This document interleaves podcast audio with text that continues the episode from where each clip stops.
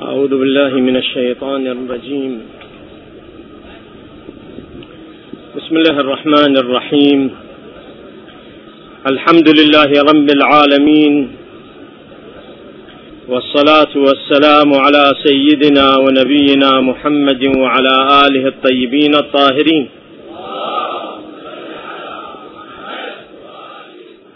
واللعنة الدائمة على أعدائهم أجمعين من الأولين والآخرين إلى قيام يوم الدين.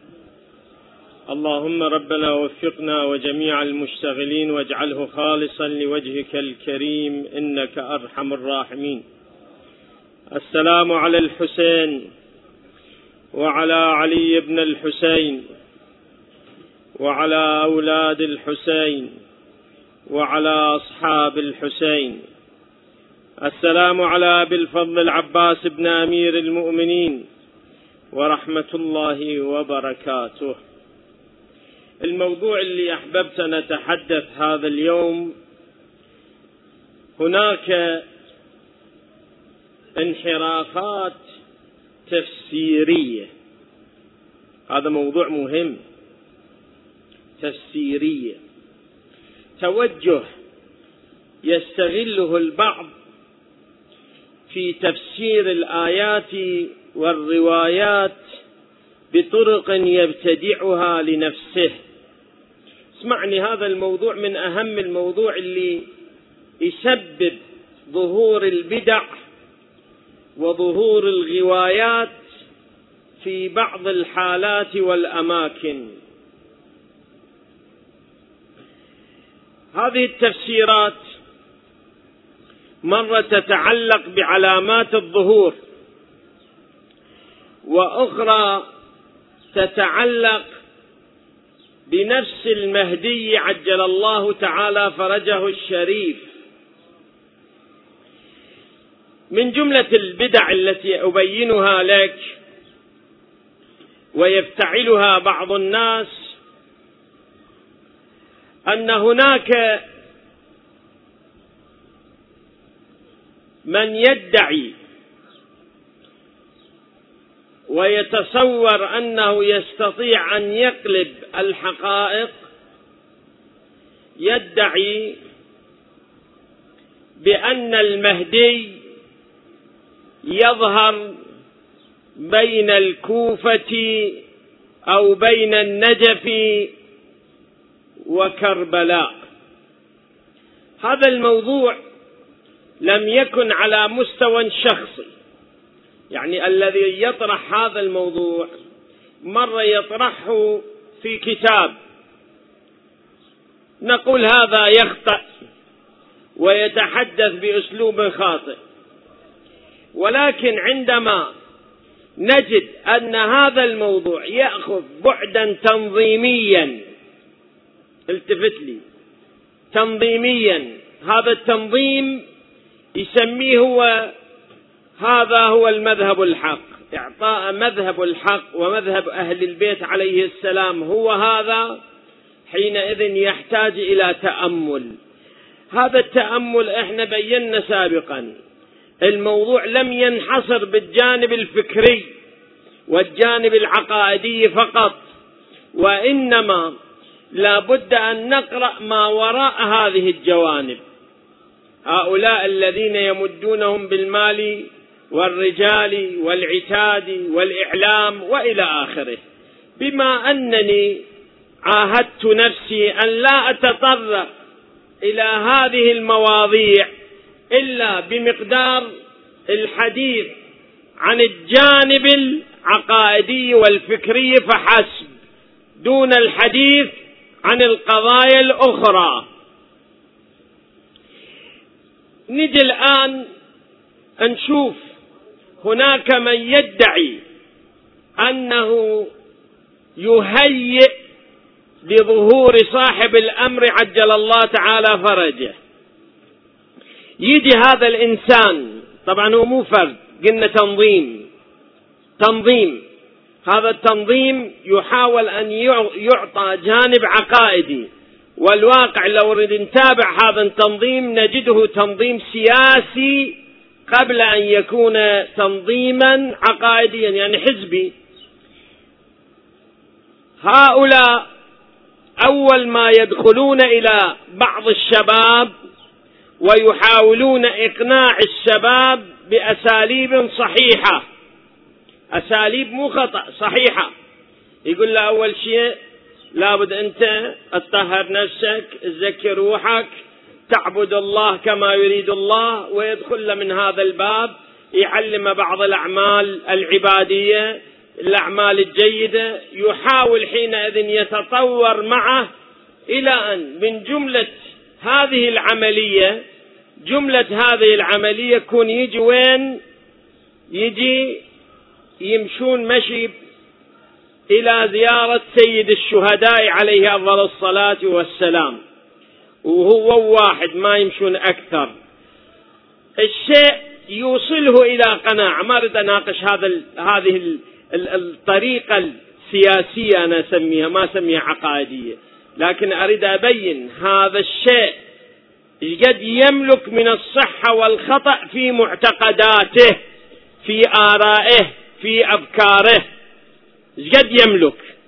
اسمح لي أن أبين هذا الموضوع بصراحة باعتبار بعض القضايا لا يكفي التلميح فيها وإنما تحتاج إلى تصريح. قد يملك؟ هؤلاء من قواعدهم العقائدية وقواعدهم الفكرية أنهم يؤمنون بأن يحاول يقنع هذا المقابل. يحاول أن يقنع أن الإمام المهدي عجل الله تعالى فرجه يخرج من منطقه بين النجف وكربلاء. زين. المعروف راح يناقش هذا الشخص. يقول المعروف المروي بالروايات الكثيرة أن الإمام المهدي يخرج بين الركن والمقام. هذا كل واحد يعرفه. يعني مو سواء حضر هذا المجلس أو لم يحضر سمع أو لم يسمع. هذا من ألف باء القضايا المتعلقة ببقية الله المهدي عجل الله تعالى فرجه يخرج بين الركن والمقام. هنا نقول له أن الإمام يخرج بين الركن والمقام وأن هذه المنطقة ليست بين الركن والمقام. يجيك يفسر بهذا التفسير التفت. شو يقول لك؟ يقول لك الركن هذا المنطق التأويلي المشتهائي. يعني اللي يعجبه كل واحد ويعجبه كيف يفسر الأشياء كما يشاء. يقول له الركن بمعنى الولاية. شيء حلو. إذا واحد يقرب هذه التصويرات إلى أذهان الإنسان قد يستحسن يستلذ به. يقول له الركن الركن ركن الإيمان هو الولاية والولاية هو علي بن أبي طالب وعلي بن أبي طالب مدفون وين؟ بالنجف. هذا الركن حل المشكلة مالته. والمقام زين شنو؟ قال المقام هو مقام الشهادة. ومقام الشهادة هو قبر سيد الشهداء في كربلاء. فبين الركن والمقام يعني بين النجف وكربلاء. هذه الطريقة الاستحسانية من حيث البيان خدع أو يخدع بعض الشباب ضعيفي المعرفة ضعيفي العلم ضعيفي الاطلاع. لذلك تتم هذه العملية طبق خطة يشارك بها هذا النحو من أنحاء التربية للشباب. من الآن نشوف في الفضائيات أو بعض الفضائيات يطلعون ناس هم أحب علينا وفضلاء ويحاولون أن يفسروا. يحاولون أن يفسروا بعض القضايا على هذا الأسلوب وهو الأسلوب التحليلي. الآن هذا الأسلوب ولدنا مثل هذه التصورات مثل هذه الانحرافات. خلي نعرف هذا الأسلوب متى يكون اسلوبا صحيحا ومتى يكون اسلوبا غير صحيح. الآن الأسلوب الصحيح انتبه لي يا حبيبي. نشوف مرة عندنا قواعد منطقية علمية. هذا المنطق اللي يسموه الآن المنطق الشكلي أو يسموه المنطق الأرسطي نسبة إلى أرسطو أرسطوطاليس اللي ندرسه بالحوزة العلمية اللي يدرسوه الآن سواء كان الحاشية أو منطق المظفر أو الشمسية أو غير ذلك منطق المنظومة أو غير ذلك من الكتب اللي تدرس في حوزتنا.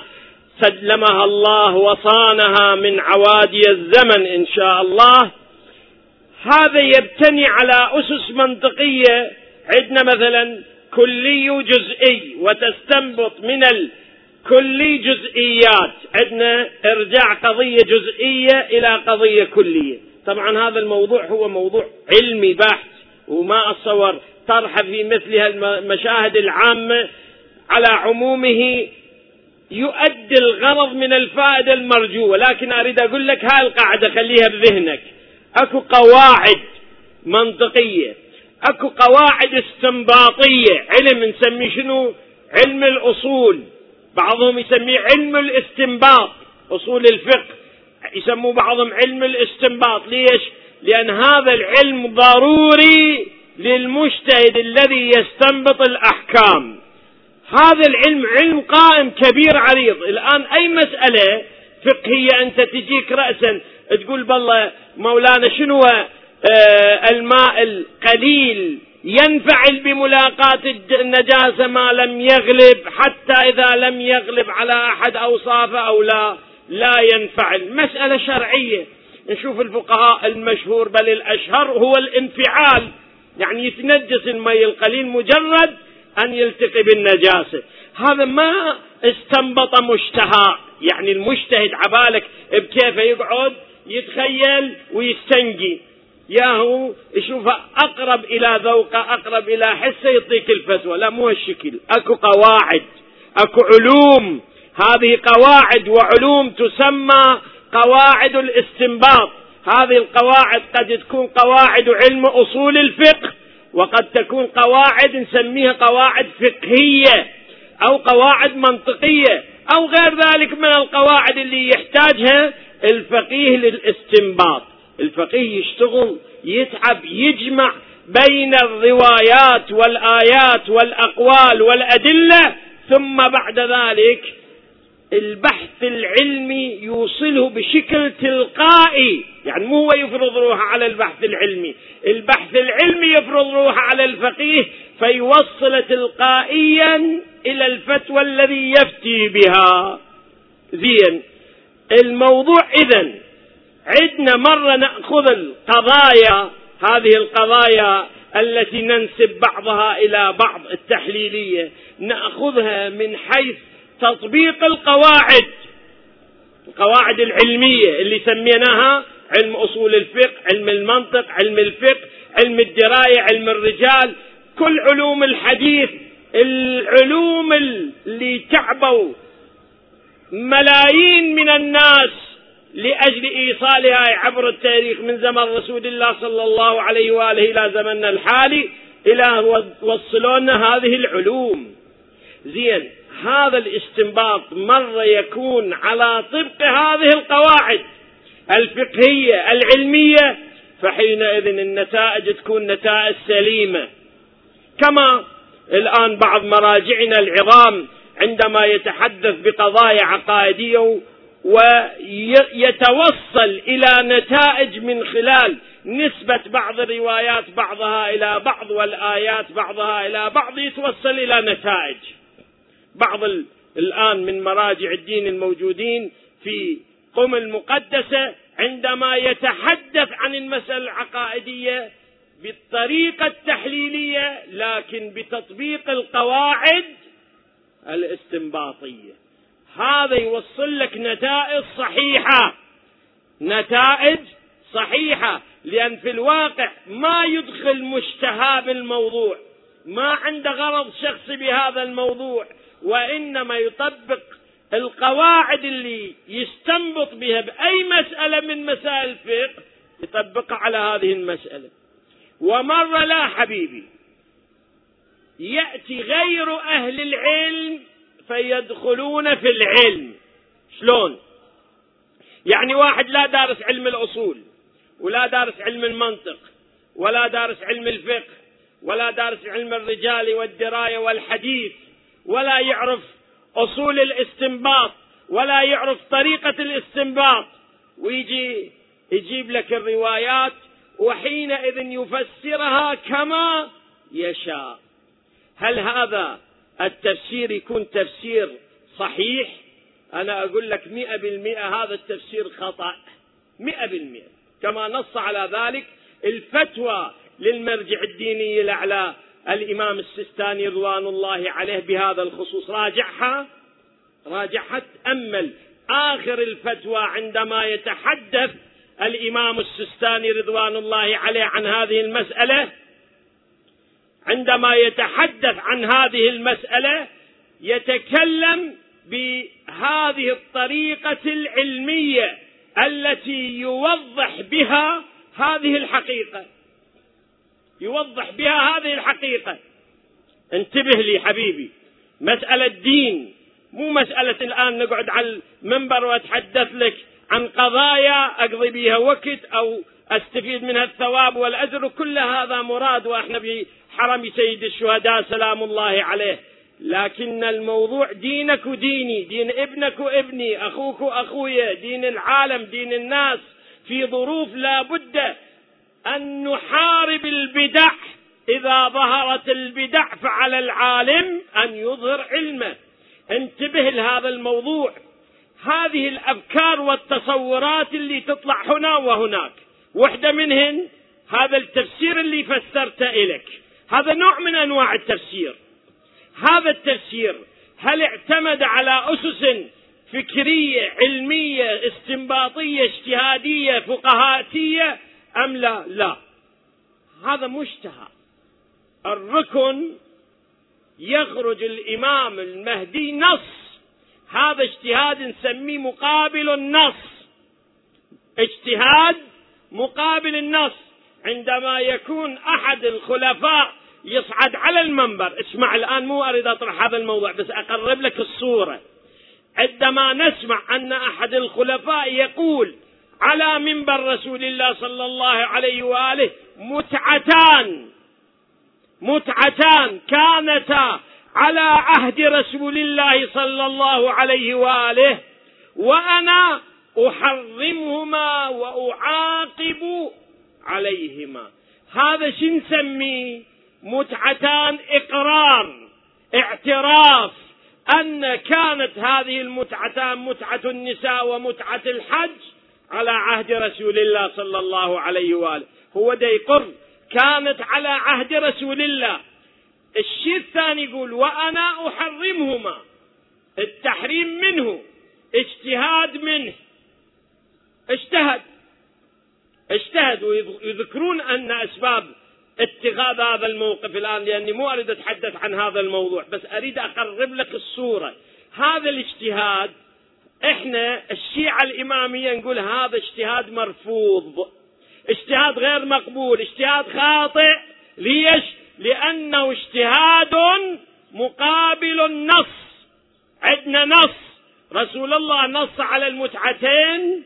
حينئذ لا يحق لأحد أن يجتهد مقابل قول رسول الله صلى الله عليه وآله لأنه اجتهاد أمام رسول الله مقابل رسول الله يقف باتجاه مقابل إلى قول رسول الله. هنا إذا توضحت المسألة عندك بهذا المقدار نجي على هذا الموضوع بالذات. عندما يقول هذا المذهب الذي يحاول أتباعه ومناصروه أن يستفيدوا بهذه الطريقة. يقول يظهر المهدي بين الركن والمقام الركن النجف المقام كربلاء. هذا اجتهاد مقابل النص. نص. شلون نص؟ نصوص كثيرة. روى الشيعة والسنة. هذه الروايات هذا المقطع اللي سوف أذكره لك إن شاء الله تعالى موجود في كتب الشيعة وموجود في كتب السنة. إجماع المسلمين عليه رووا أن المهدي عجل الله تعالى فرجه الشريف يظهر في مكة. في مكة. مكة خب بعد واضح. مكة خب مو الكوفة. مكة مو كربلاء مكة مو النجف الأشرف. بعد شو تفسر مكة؟ الآن النصوص بهذا المطلب بالمئات بالمئات. هذا المطلب له نصوص بالمئات. أن المهدي عجل الله تعالى فرجه الشريف يظهر في مكة يظهر بين الركن والمقام. صلوا على محمد وآل محمد. صلوا على الموضوع إذا أن المهدي النص النص المروي بمئات الكتب يقول بأن الإمام المهدي يخرج في مكة وعندما يخرج في مكة في أي منطقة من مكة يخرج من بين الركن والمقام.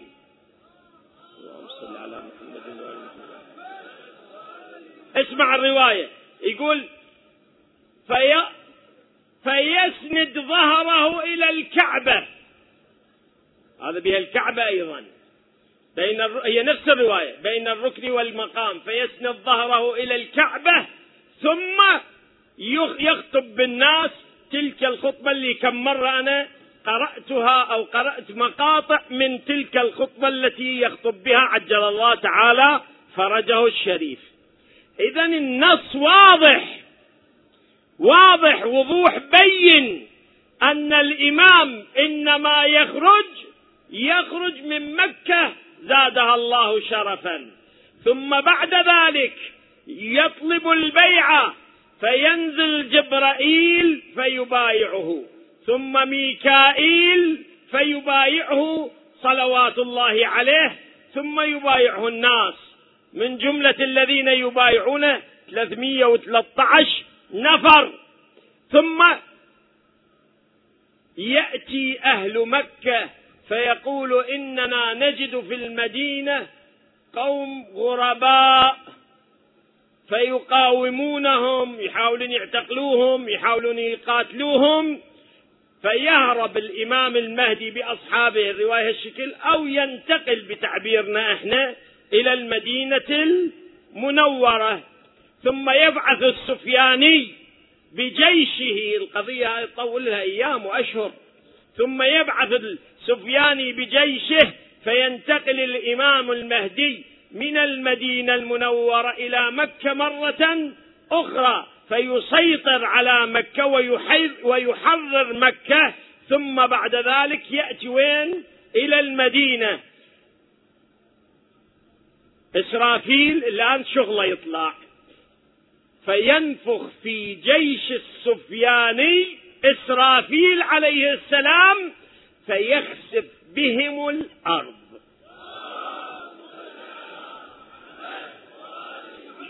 ولا ينجو منهم إلا ثلاث.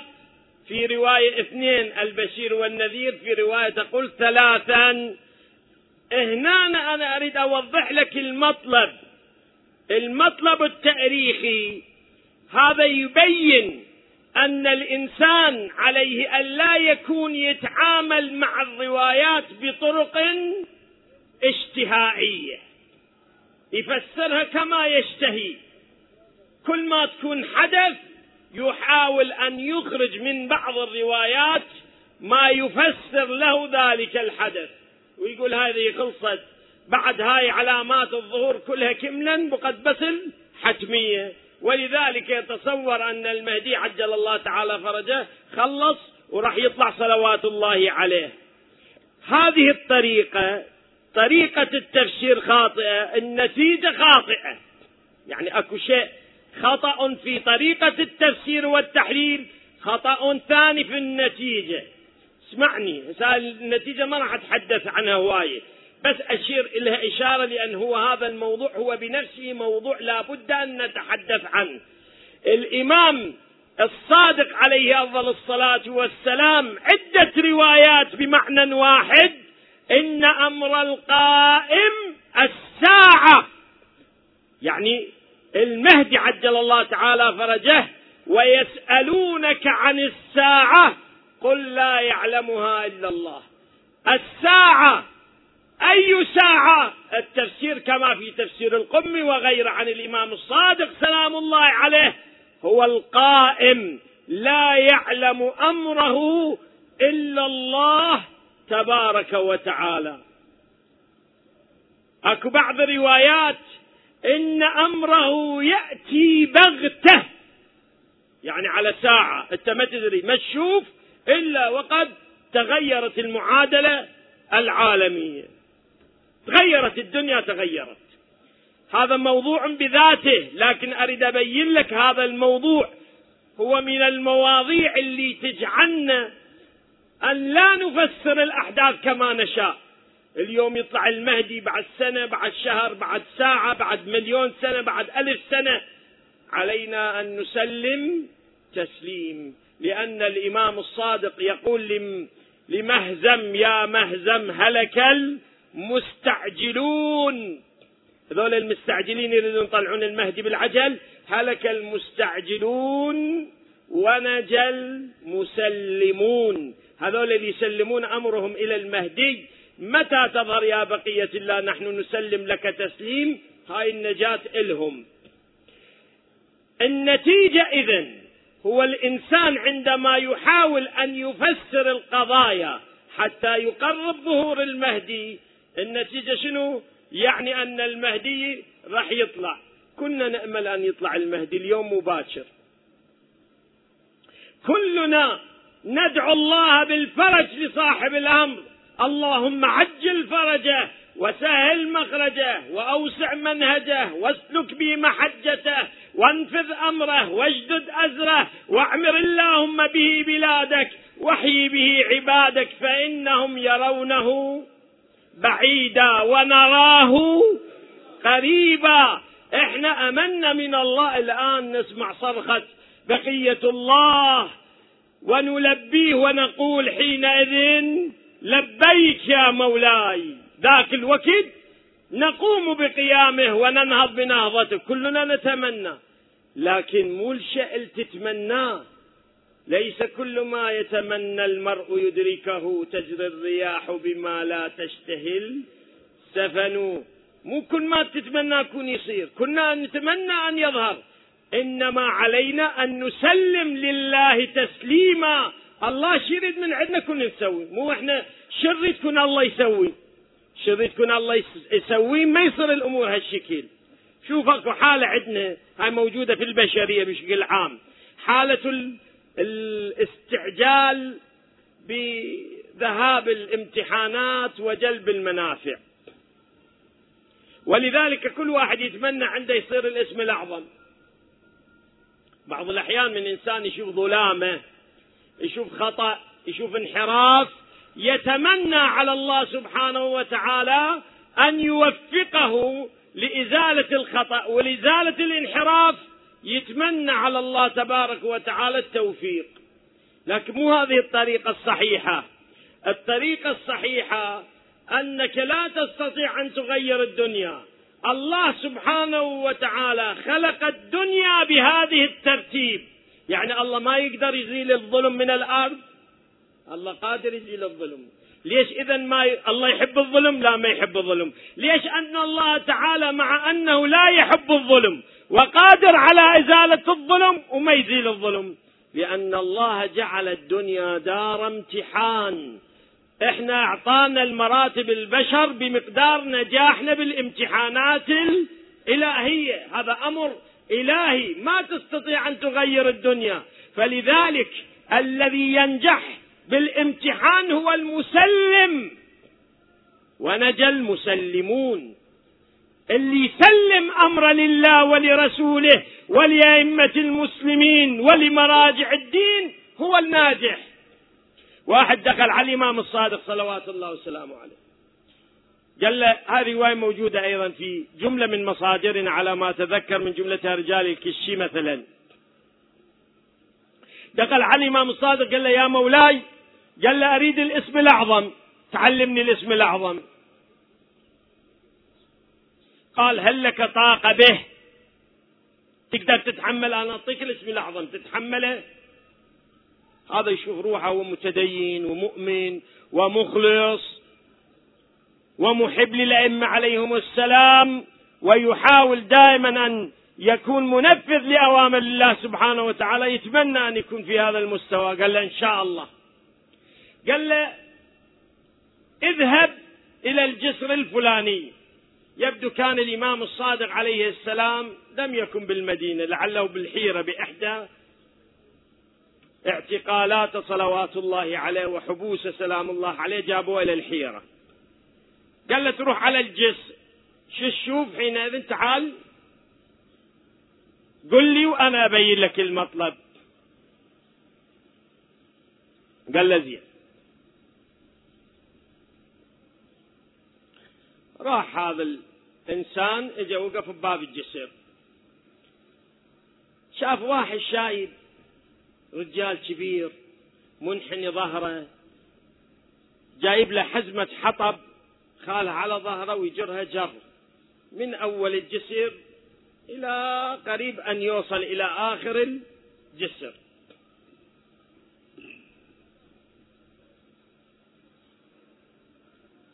بن وصل وهذا يجر الحزمة الحطب على ظهره إلى أن وصل آخر الجسر إجا واحد من الأمراء سلاطين الحكومة على فرس شاب نزق بيده صوت شاف هذا الشايب ما عجب المنظر. هذا الشايب شوف إيش قد تعب إلى حطب هذه الخشبات هاي الحطبات. ثم ذن الحطبات نقلهم من المكان البعيد على ظهر المنحني إلى ان وصل لهذا المكان. وصل هذا المكان عبر الجسر وصل للنهاية يريد ينتقل للصوب الثاني بعد ماكو خطوتين. إجا هذا الشاب النزق شوية ضحك ما شلون استهزأ به وإذا زاحمه للشايب رمى حزمة الحطب من على ظهر الشايب بالمي. راح أخذ المي لحزمة الحطب. عاين الشايب على هذا الأمير. قال له غفر الله لك عافى ومشي. راح عافى انتهى. هذا الشاف المنظر من الصبح للي, اللي لفت انتباه هذا المنظر. يقول فجئت إلى الإمام الصادق صلوات الله وسلامه عليه. قال ما رأيت يا فلان؟ فقصصت قصتي. شفت شفته نقلت للإمام. قال هذا عنده الاسم الأعظم. قال له سيدي هذا عنده اسم الأعظم وصبر له لهذا الشاب النزق. وما دعا عليه. وقلبه مثلا إلى خروف إلى إلى نعجة إلى ما أدري شلون. معقولة هذا عنده صبر؟ قال له عندك صبره تتحمل؟ قال له لا. قال له إذا لا تتحمل الاسم الأعظم. هي الأمور مو كل كما نجتهد نقلب الدنيا ونحولها إلى أمور كما نشاء. كثير من الأسئلة الآن. ليش المرجع ما يسوي فلان شيء ليش المرجع كذا ما شنو؟ ليش خالهم كيفهم يشتغلون؟ كيش هذه أسئلة من واحد من يسأل سهل أن يسأل. لكن الأمور هل هي تجري في الدنيا بهذه الطريقة؟ بهذه السهولة وبهذه البساطة؟ لا يا حبيبي.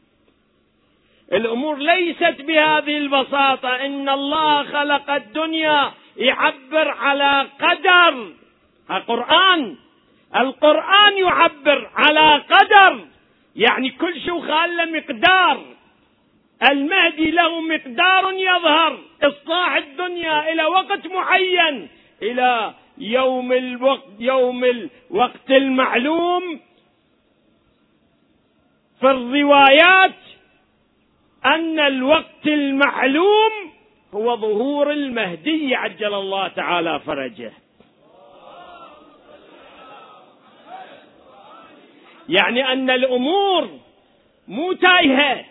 الأمور مقدرة إلهيا والتقدير الإلهي تبارك وتعالى الناجما يسلم لله. الله أجرى الأمور بمقاديرها. الاستعجال هلك المستعجلون. هذا من قاعد يريد يفسر القضايا كما يشتهي. شوف الهلاك الأول. الهلاك الأول تتقول على الله وعلى رسوله. عندما الله سبحانه وتعالى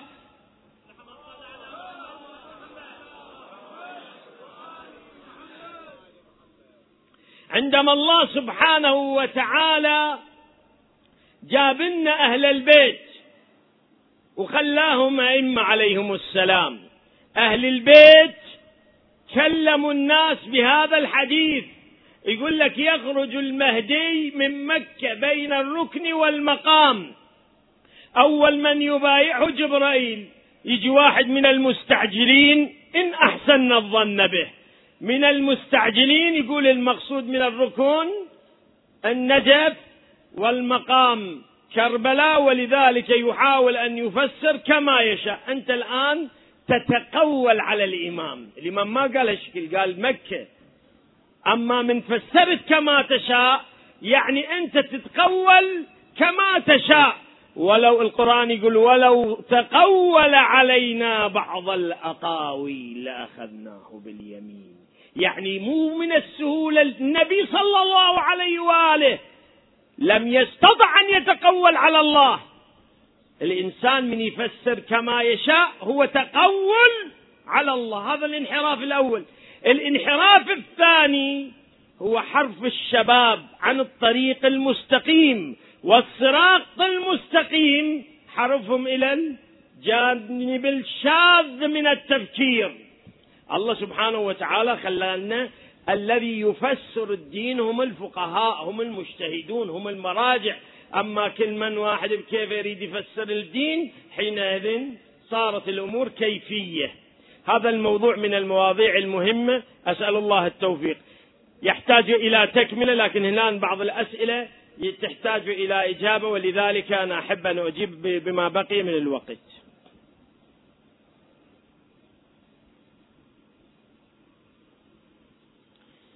سؤال يقال بأن منطقة مثلث برمودا هي مكان تواجد الإمام عجل الله فرجه ما مدى صحة ذلك؟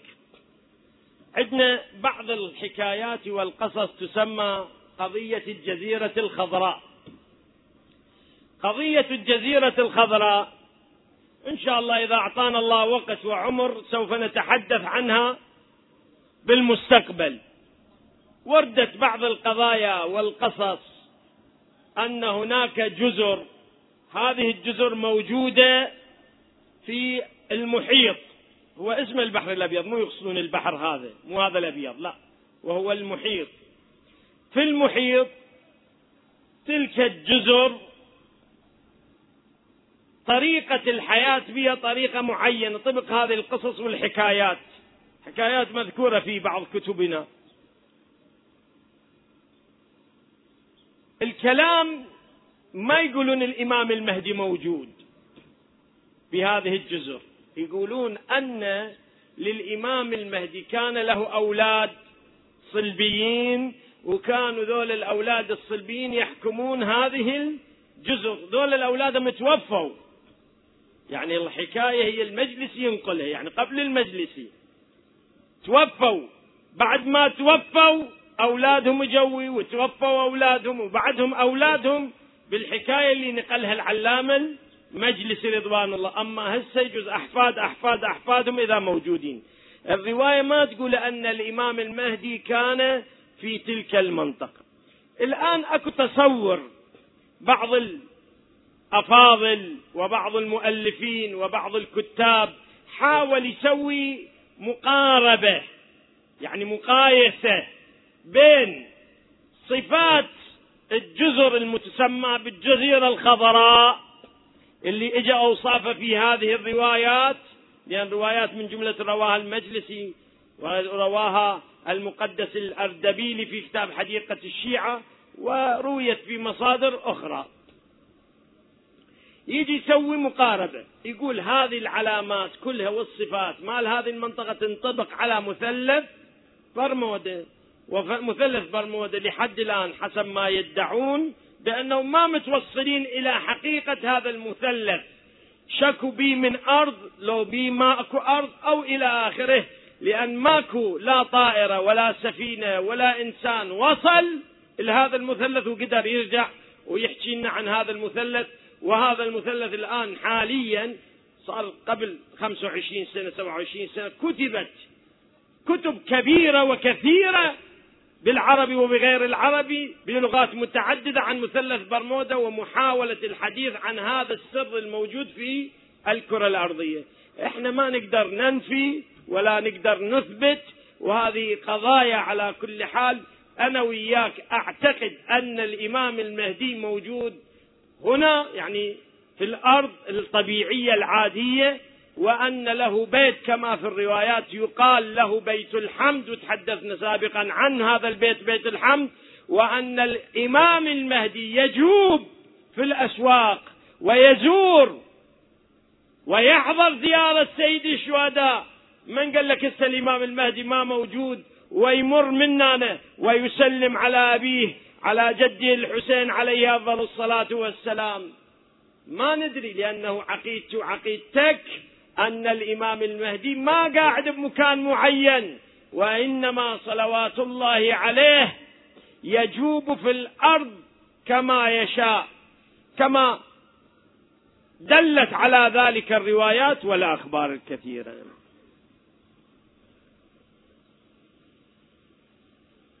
إذا كان المعجلون قد هلكوا بسبب دعائهم بتعجيل الفرج فما هو الدعاء الصحيح بظهوره ولكم الأجر والثواب. أستغفر الله. أنا وين قلت هذا الكلام؟ كلنا ندعو بتعجيل الفرج ونتمنى الفرج. الدعاء جزء من أعمال المستحبة بل في بعض الأحيان بالمعنى الثانوي يدخل بمعنى الوجوب. تعجيل الفرج للإمام والدعاء بتعجيل الفرج من أفضل الأعمال. أن ندعو. أنا دعيت. قبل شوية هو بأثناء حديثي قرأت جملة من دعاء الفرج. وقلت اللهم عجل فرجه وسهل مخرجه وأوسع منهجه واسلك بنا محجته. هذا من جملة القضايا التي نؤمن بها ولا بد أن نؤمن. أنا ما أقول دعاء الفرج استغفر الله ممنوعين بل مأمورين بالدعاء له وللدعاء للفرج له عجل الله تعالى فرجه.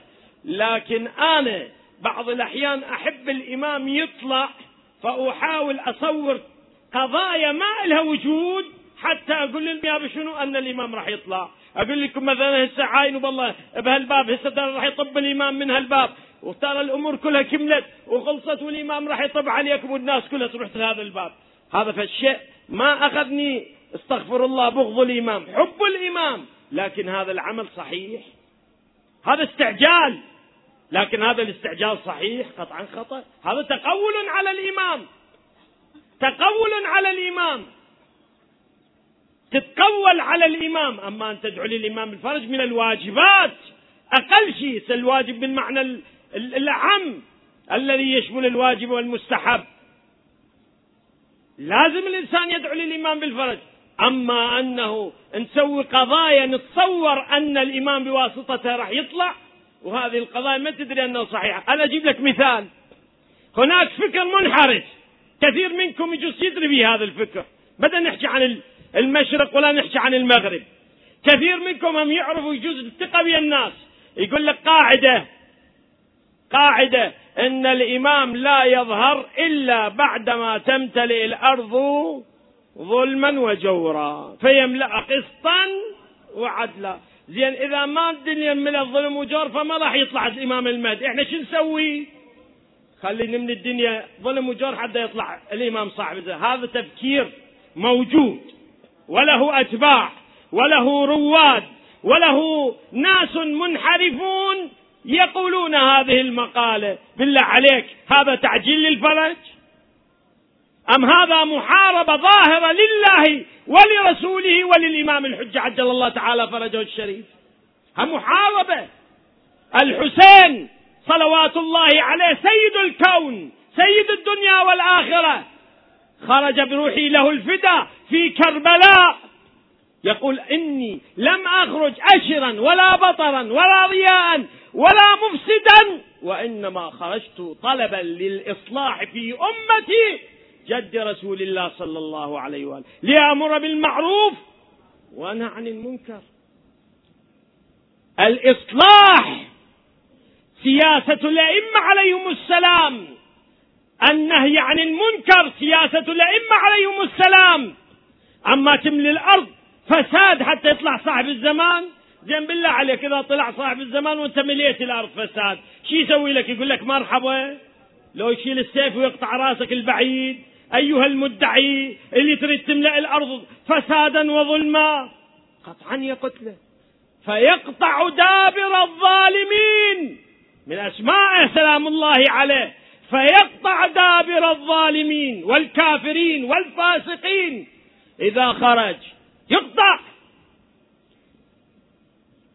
الكلام هو في التأويل وليس الكلام في الفرج كلنا نتمنى الفرج. الآن قلوبنا متقطعة لانتظاره. قلوبنا متقطعة لانتظاره. كنت أقرأ رواية اليوم. هذه رواية عن الإمام الصادق عليه السلام موجودة في كامل الزيارة. عبالي أقرأها بس طويلة. بس أنا أقرأ لك يا مختصرة. إن الله قد أنزل ستة عشر ملك من السماء بعد قتل الحسين عليه السلام. شعث غبر يبكونه ويندبونه حول قبره صلوات الله عليه ستة عشر ألف. وهذا الألف يعني تمشي على أجنحتهم. تدري لو لا؟ تدري لو لا؟ شعث غبر يبكونه ويندبونه. فإذا جاء زوار الحسين عليه السلام أمنوا على دعائهم. إذا يدعو الزائر ودعا أمن يقولون اللهم آمين استجب للزائر. ويشيعون إلى آخره من جملة الرواية آخرها وهؤلاء يبقون عند قبر الحسين ينتظرون القائم. موجودين ينتظرون القائم ونحن في هذا المكان. أكو واحد ما يتمنى الفرج. الملائكة لهنا تسمعني. وتشوفني ينتظرون متى؟ الفرج يا بقية الله. اللهم عجل فرجه. هل أن شخصية الشيخ صباني هي نفسها شخصية صدام الطاغية؟ وإذا كان ذلك صحيح هل يعني ظهور السفياني قريب؟ الشيصباني معنى الشيصبان في اللغة العربية الشيطان. الشيطان اسمه الشيصبان صدام شيطان. الزرقاوي شيطان. الشيطان الأكبر شيطان. هذه كلها شيطان الأصغر شيطان. كلها شياطين. أما المقصود بالشيصباني هذا أو شيصباني ثاني لا سامح الله يطلع لنا بعدين. كلما دخلت أمة لعنت أختها. الله أعلم وعلم ذلك بيد الله. إحنا قلنا البرنامج هو أن لا نفسر ولا نحلل إلا بالنص الصحيح.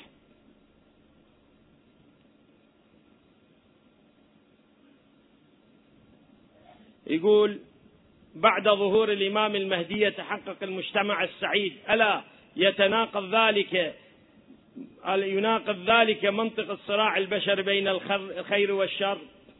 الخير والشر لابد أن ينتهي. صراع لابد أن ينتهي. لابد ينتهي. لذلك أن نهاية هذه المعركة الأزلية بين الخير والشر تنتهي بعدما يعم الخير بالدنيا. وهذا ما يصير التناقض وإنما تناقض انتهاء هذه المعركة. تنتهي بانتصار الخير على الشر إن شاء الله. بعد أكون.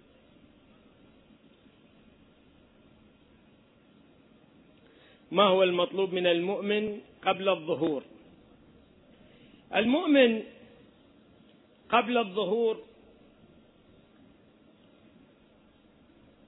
يعيش المراحل صعبة مو مثل مرحلة الظهور. شوف عشنا البشرية تعيش ثلاث أو المسلمون يعيشون ثلاث مراحل.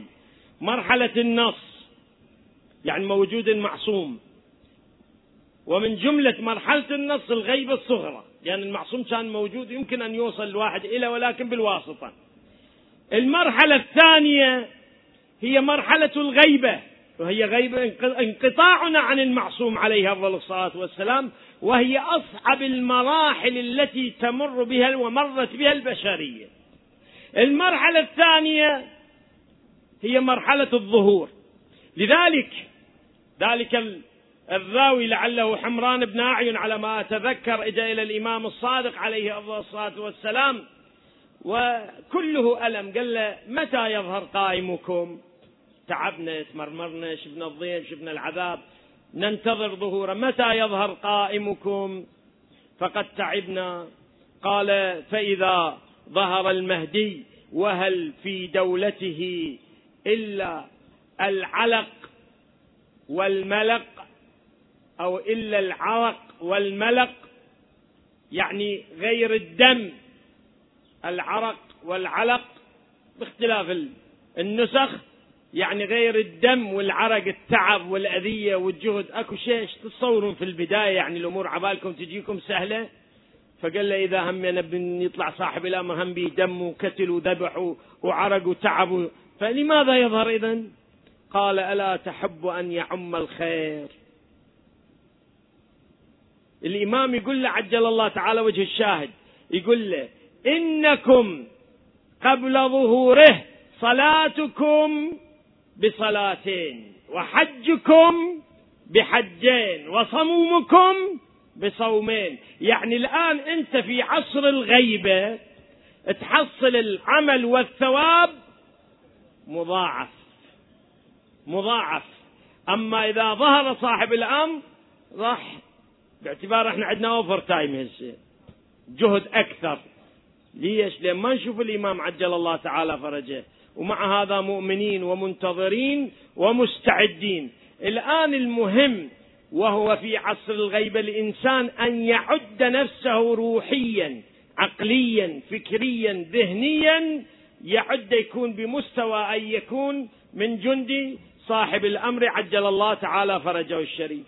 وهذه الصفات إن شاء الله في يوم من الأيام نتحدث عن صفات أصحاب الإمام عجل الله تعالى فرجه. لكن قبل أن ننهي هذا السؤال أنا أبين المطلب. سابقا هم بينا هذا الموضوع. أهم شيء بالإنسان هو أن يطيع الله ورسوله والأئمة ونواب الأئمة العامين وهم المراجع العظام. لذلك القرآن الكريم ينص على ضرورة إطاعة الله ورسوله والأئمة عليهم السلام. أطيعوا الله ورسوله وأولي الأمر منكم. أولي الأمر المقصود بهم المعصومين لكن بما أن المعصومين وضعوا في عصر الغيبة في عصر الغيبة الكبرى وضعوا لنا العلماء والمراجع فلا بد من طاعة علمائنا ومراجعنا. هناك من يدعي هذا آخر سؤال هناك من يدعي الصيحة في قلوب المؤمنين وليس الصيحة في السماء. هذا اجتهاد في مقابل النص. اجتهاد مقابل النص. يعني من هذا الاجتهاد متعتان كانت على عهد رسول الله. شلون؟ لأن الرواية هكذا مو بس رواية روايات في غيبة النعمان وهو أصح الكتب التي في الغيبة كما قال الشيخ المفيد. الشيخ المفيد في كتابه الإرشاد ذكر أن أصح الكتب التي تحدثت عن غيبة الإمام هي غيبة أبي زينب محمد بن إبراهيم النعماني رضوان الله عليه هاي اللي يسموها غيبة النعماني اللي موجودة ومطبوعة.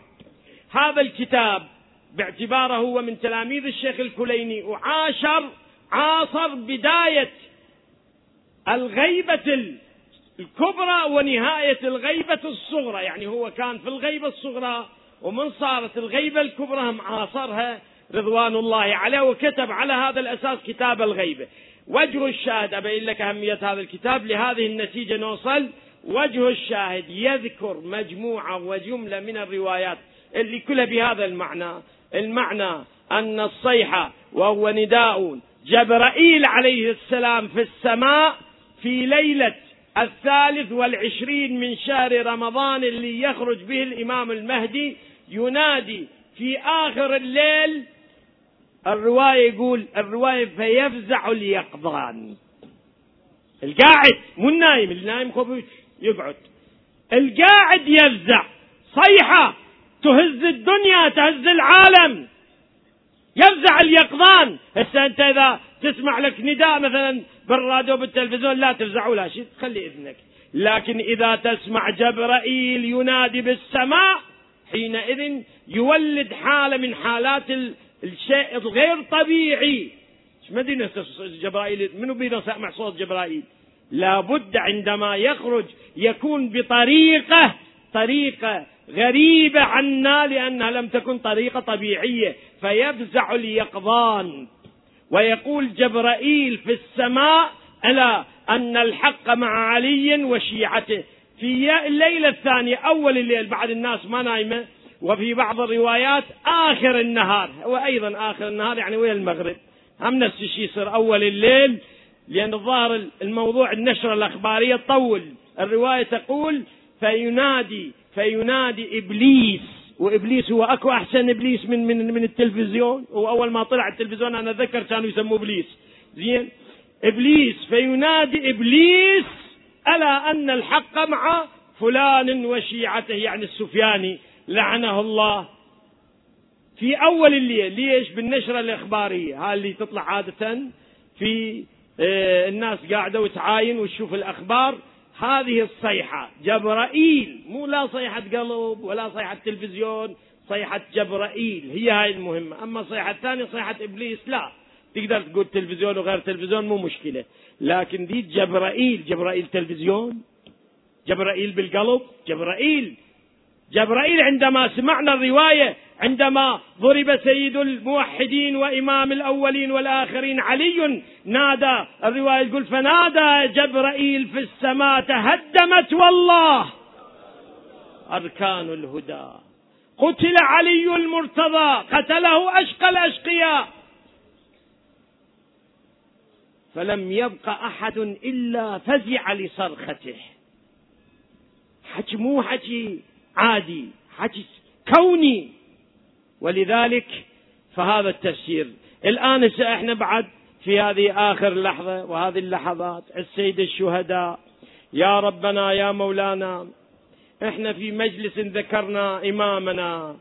وإذا ما حضر إمامنا في مجلسنا فقطعا إنه يرى ما نحن فيه من ذكره والدفاع عنه.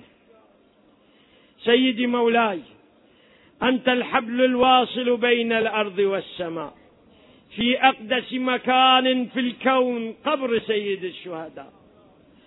إلهنا بحرمة محمد وآل محمد صل على محمد وآل محمد.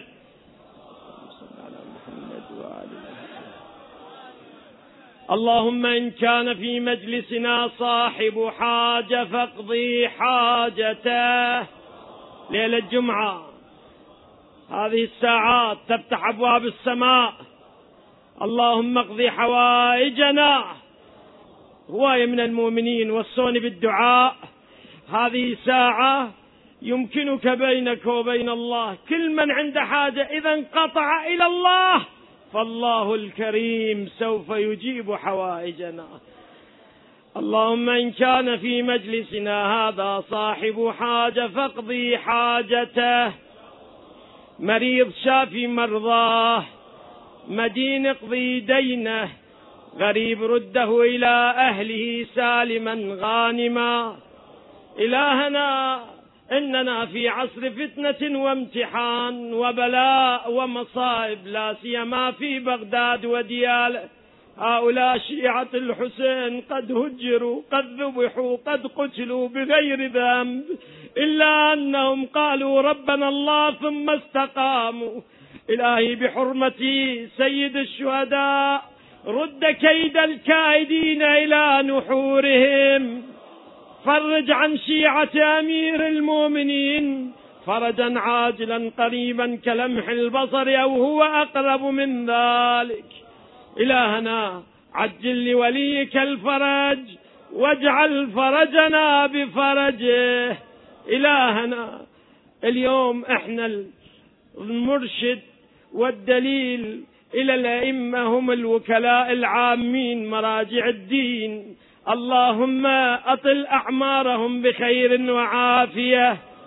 لا سيما آية الله العظمى المرجع الديني الأعلى السيد السستاني أدم, أدم ظله البسه ثوب العافية. إلى أموات الحاضرين.